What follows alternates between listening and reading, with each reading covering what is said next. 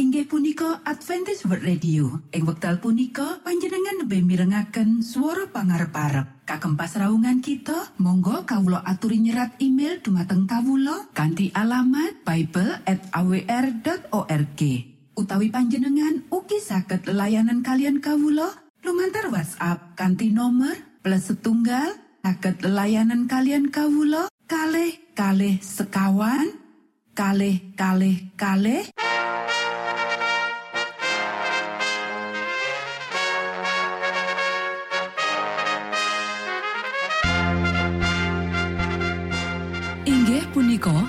Adventis World Radio ingkang giaran kanti basa Jawi.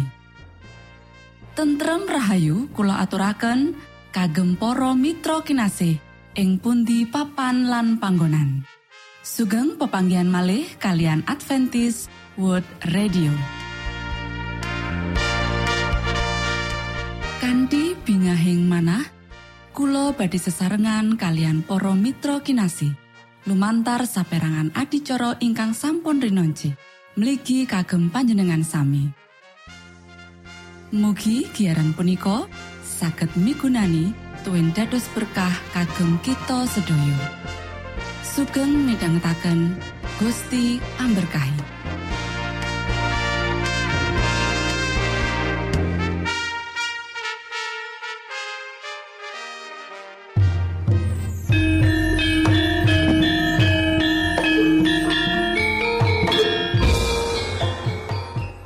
Para pamirsa kinasih ing Gusti Yesus Kristus. Ing wekdal punika kita badhe sesarengan ing adicara ruang kesehatan. Ingkang saestu migunani kagem panjenengan saha kita sami. Tips utawi pitedah ingkang dipun aturaken ing program punika tetales dawuhipun Gusti ingkang dipunnyatakaken ing kitab suci. Semanten ugi sakehing seratan ingkang dipun wangsitaken dening Gusti Allah. Nanging saderengipun monggo kita sami midhangetaken kidung pujian.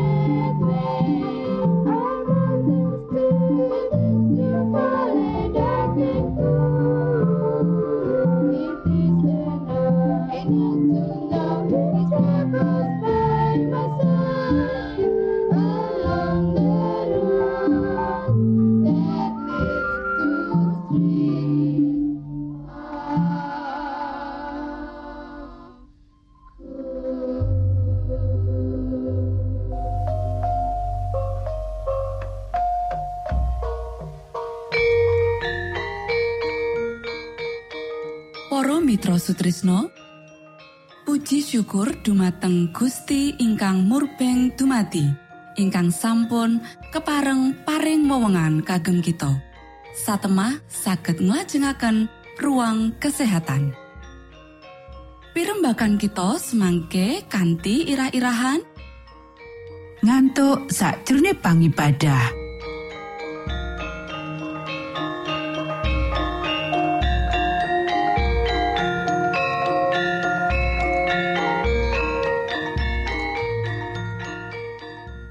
Dumateng para pamiarsa ingkang dahat kinurmatan sugeng pebanggian malih kalian kula istri Kurnaidi ing adicara ruang kesehatan. Ing dinten punika kanthi irah-irahan ngantuk sakjroning pangibadah. Para sedherek ingkang kinasih menawa kita mangan nglewati wates kita dosa marang badan kita dhewe. Ing dina sabat ing sakjroning patalemani Gusti Allah Wong sing kakian mangan bakal lungguh keturun sawetara kabenerane Gusti Allah dipangandikaake. Dheweke ora bisa buka mripate amarga ngantuk. Dheweke ora bisa mangerteni khotbah sing diwenehake. Apa kue pikir wong kaya iki ngluhurake Gusti Allah lumantar badan lan roe sing yo iku kagungane Gusti? Ora. Dheweke ora ngluhurake panjenengane lan wong sing kejang weteng apa sebabe dheweke ngalami kejang weteng? Amarga bab iku wis dilakokake. Gantine nganut keteraturan dheweke wis ngejarake selera nguasani dirine nganti kelemangan ing antarane jam mangan. Menawa pakulinane ya iku kekakean lungguh dheweke ora entuk hawa swarga sing watake kanggo bantu pakarian pencernaan bisa uga dheweke ora cukup mlakokake olahraga kanggo kesehatan. Para sederek ingkang kinasih, Gusti wis maringi pepadang marang kowe ngenani masalah tarak sakjroning kabeh bab. Kowe ora tarak sakjroning pakulinan mangan. Asring kowe ngisi wetengmu karo panganan sing ping pindho luwih akeh ketimbang sing diperlokake badan. Panganan iki bosok, napasmu mambu bosok. Dumati kangelan amarga peradangan sing olo. Wetengmu kerja lembur, tenaga dikerahake saka otak menyang weteng kanggo giling bahan panganan sing kowe wis lepokake menyang jerone weteng. Sakjroning bab iki, kowe wis nuduhake kurang welas asih marang awakmu dhewe. Kowe sawijining wong sing murka ing meja nedha. Iki sebab utama kenapa kowe tadi lalen lan kelangan pangeling-eling. Kowe ngandhakake samu barang sing aku ngerti kowe wis kandhakake. Banjur kowe muter iku lan ngandhakake samu barang sing beda babar pisan. Aku mangerteni bab iki nanging elingo menawa iku akibat pakulinan kakean mangan. Apa gunane bab iki diomongake? Iku ora bakal marekake piolo. Para sedherek ingkang kinasih, pakulinan kakean mangan bebayani mligine kanggo wong sing watake kendo. Wong kaya iki kudu mangan mung sedidik lan olahraga luwih akeh. Ono sing duweni kewasisan pinunjul sing alamiah tanpa latihan pengendalian diri. Sakjroning bab pengendalian selera, dheweke ora bisa nglaksanakake setengah saka sing kutune bisa dilaksanakake. akeh penulis lan ahli pidato gagal sakjroning bab iki. Sakwise mangan nganti sakwareke, dheweke makarya karo lungguh sami maca, sinau lan nulis ora nggunakake wektu kanggo olahraga. Dadi akibate, aliran pikiran lan kelancaran tembung-tembung kaganggu. Dheweke ora bisa ngomong utawa nulis kanthi cara efisien kanggo jamak atine sing maca utawa sing ngrungokake. Pambudidayane ringkeh lan ora kasil. Dheweke sing nyekel tanggung jawab wigati ing sakdure kabeh samu barang, para wali perkara-perkara rohani, kutune ya iku wong-wong sing duweni naluri sing landhep lan pikiran sing lantip.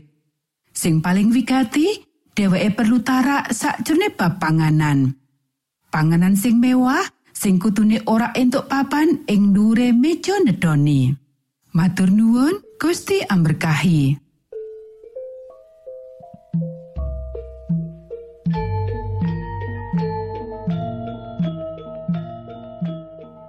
Cekap semanten pimbakan ruang kesehatan ing episode dinten punika. Ugi sampun kuatos jalaran kita badhe pinanggih malih ing episode sak lajengipun.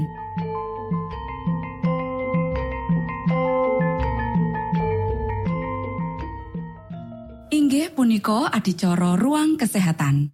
Menawi panjenengan gadah pitakenan utawi ngersaakan katerangan ingkang langkung, Monggo kulo aturi.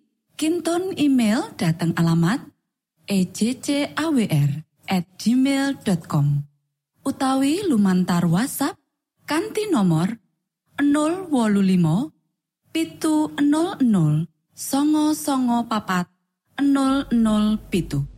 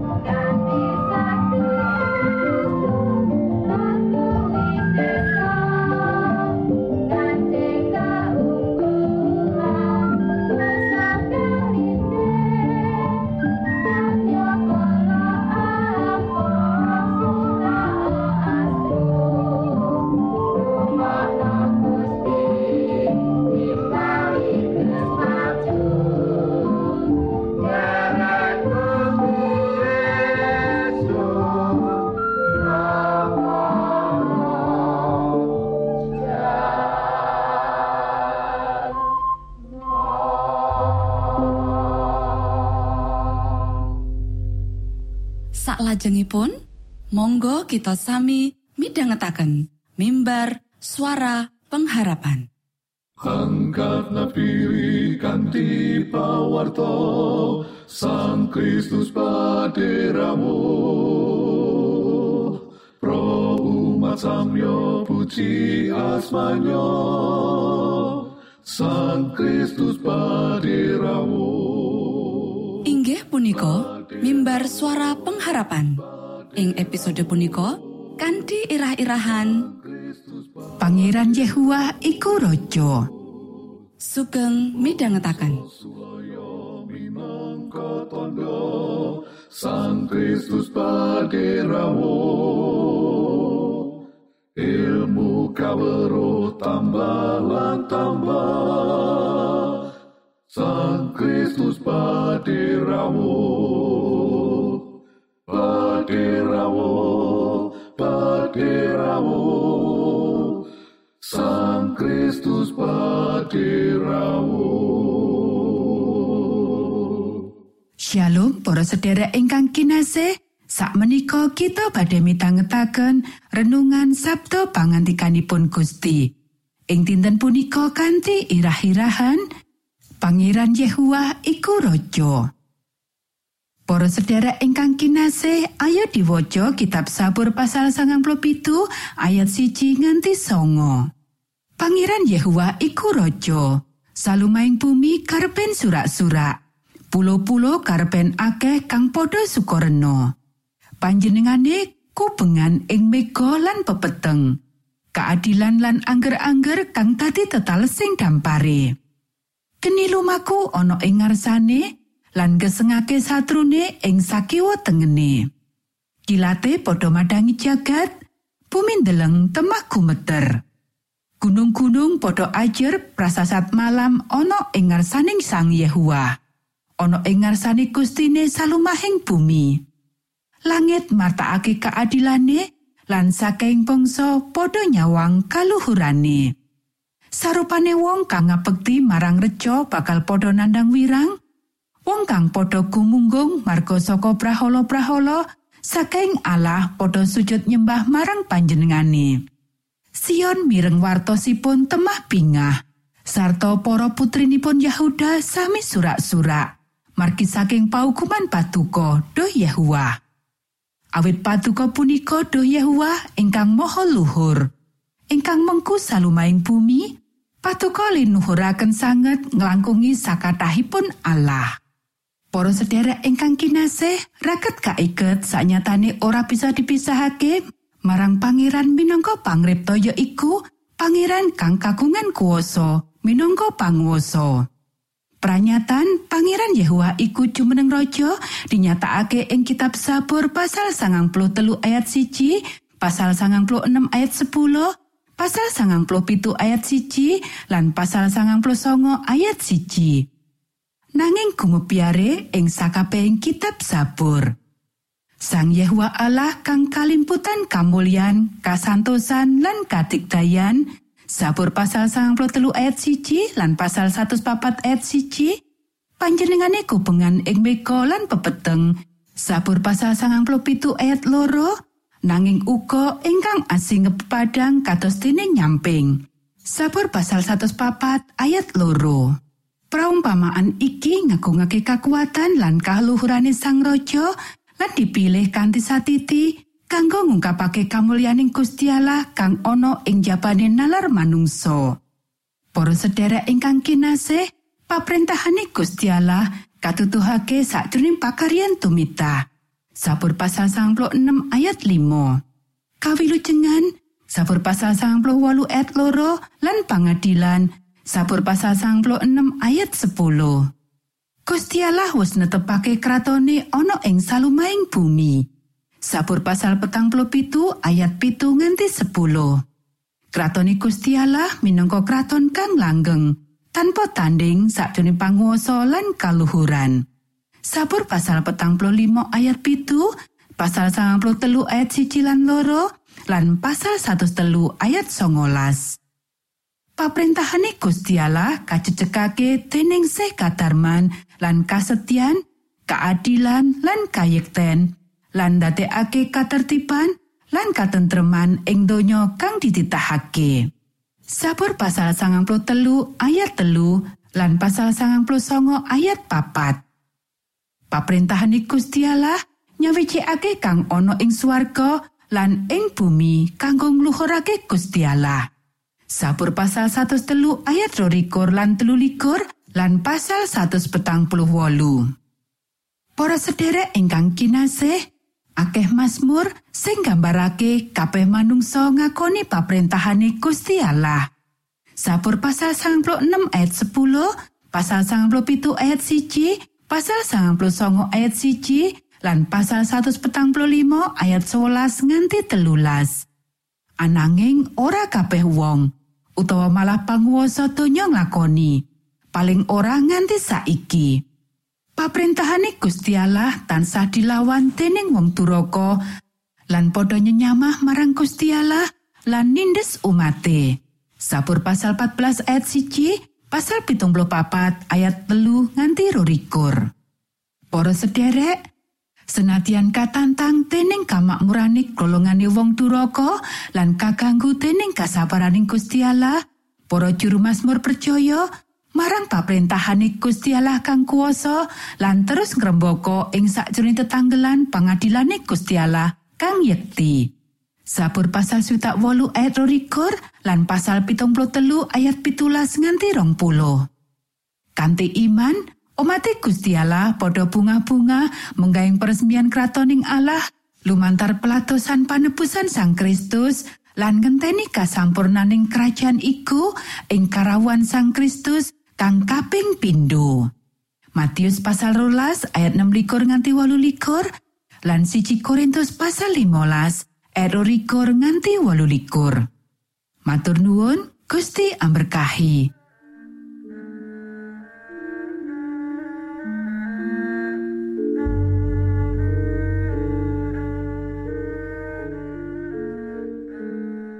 Mitra Sutrisno pamiarsa kinasih ing Gusti Yesus Kristus. Sampun paripurno pasamuan kita ing dinten punika. Menawi panjenengan gadah pitakenan utawi ngersaakan seri pelajaran Alkitab suara nubuatan Monggo Kulo aturi kinton email dateng alamat ejcawr gmail.com utawi lumantar WhatsApp kanti nomor 025 pitu 00 songo songo papat 00 pitu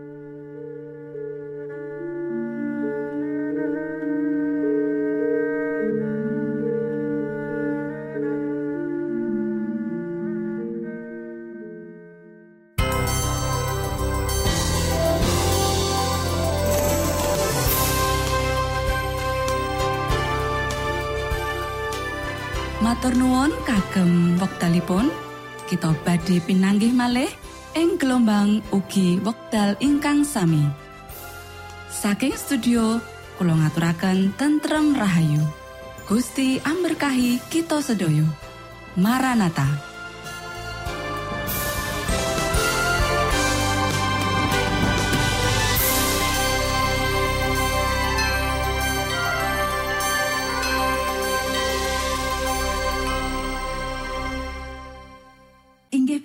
Adventist World Radio. Ing wekdal punika panjenengan lebih mirengaken suara pangarep-arep. Kagem pasraungan kita, monggo kawulo aturi nyerat email dumateng kawulo kanti alamat bible@awr.org. Utawi panjenengan ugi saged layanan kalian kawulo lumantar WhatsApp kanti nomor plus setunggal saged layanan kalian kawulo kalih kalih sekawan kalih kalih kalih